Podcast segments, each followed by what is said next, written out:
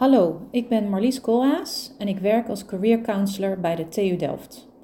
Ik vind het thema carrière stappen jonge onderzoekers belangrijk omdat ik zie dat een deel van de PhD-kandidaten het lastig vindt om hun volgende loopbaanstap te bepalen. Vooral als ze de academische wereld uit willen, richting de industrie. Dan vinden ze het moeilijk om een PhD-ervaring op waarde te schatten voor de wereld buiten de universiteit. Wat heb ik gedaan wat ik in een heel andere werkomgeving kan inzetten? Op 7 maart kom ik mijn ervaringen delen hoe wij PhD-kandidaten helpen met het omzetten van die PhD-ervaring in bijvoorbeeld transferable skills. En ik hoor graag hoe andere deelnemers dit aanpakken, wat voor tools zij bijvoorbeeld inzetten. Tot op 7 maart! Traditioneel werven we veel talent voor PhD-posities die lang niet allemaal in de wetenschap werkzaam kunnen blijven, maar die we wel graag voor de Nederlandse arbeidsmarkt willen behouden.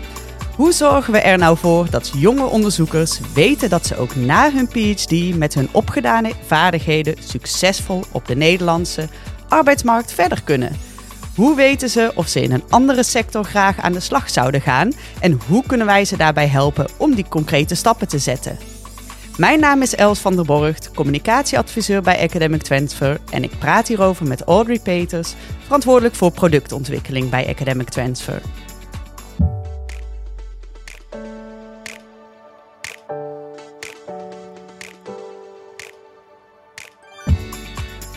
Als Academic Transfer hebben we inmiddels een aantal tools, maar ook workshops, webinars, blogs, newsletters en een podcast ontwikkeld waarmee we jonge onderzoekers ondersteunen in hun oriëntatie op een volgende carrière stap. Audrey, hallo. Welke tools zijn er inmiddels? Hallo Els, ja, ik kan je daar zeker wat over vertellen. Eigenlijk is er veel te veel om te vertellen, dus ik hou het per tool een beetje kort in deze podcast. We hebben de Career Navigator. Daarop hebben we zes eh, sectoren in beeld gebracht waar je als onderzoeker nog steeds onderzoek kunt doen. Eén daarvan is natuurlijk de academische lijn, maar we hebben ook vijf andere sectoren in beeld gebracht. Je kunt daar heel veel informatie vinden van onderzoekers die die overstap uh, bijvoorbeeld al gemaakt hebben. We hebben ook de Career Reflector. Dat is uh, echt een hele mooie zelfassessment waarmee je kunt zien waar je op dit moment staat als het gaat om je vaardigheden en je competenties. En we hebben ook de Career Buddy. En dat is een hele praktische tool. Um, daarmee kun je bijvoorbeeld stap voor stap je eigen personal pitch maken. Of je kunt er tips aantreffen over hoe je je netwerk nu kunt uitbreiden.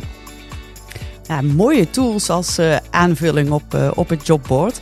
En uh, wat kun je vertellen over ons overige aanbod, zoals de, de workshops?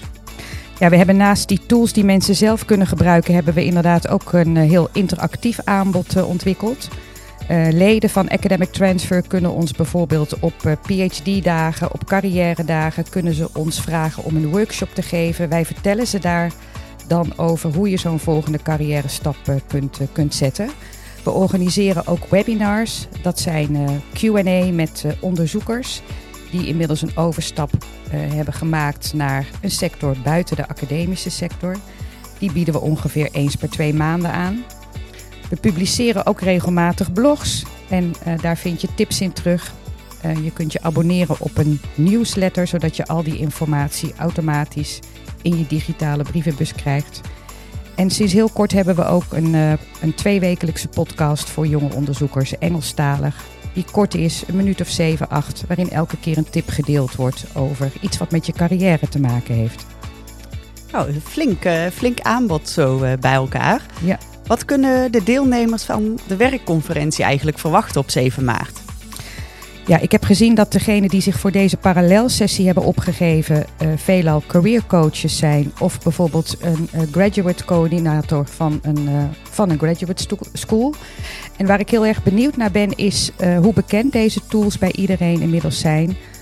Of je mensen bijvoorbeeld doorverwijst of dat je ze geïntegreerd hebt in je eigen werk. Daar ben ik heel nieuwsgierig naar. Ook welke casuïstiek uh, voor jullie interessant is om deze tools bij, uh, bij te betrekken. Maar we willen natuurlijk ook heel graag jullie input over hoe we deze tools gaan doorontwikkelen. En we denken er bijvoorbeeld ook aan om een dashboard te gaan inrichten voor kandidaten, waarin al deze tools bij elkaar staan en waarin ze op een logische manier door deze tools heen geleid worden. Dus daar willen we heel graag met jullie over in gesprek op, uh, op 7 maart. Oké. Met jullie bespreken we op 7 maart graag hoe we de tools apart gaan doorontwikkelen en ook hoe een geïntegreerd dashboard voor kandidaten eruit kan zien. Tot dan!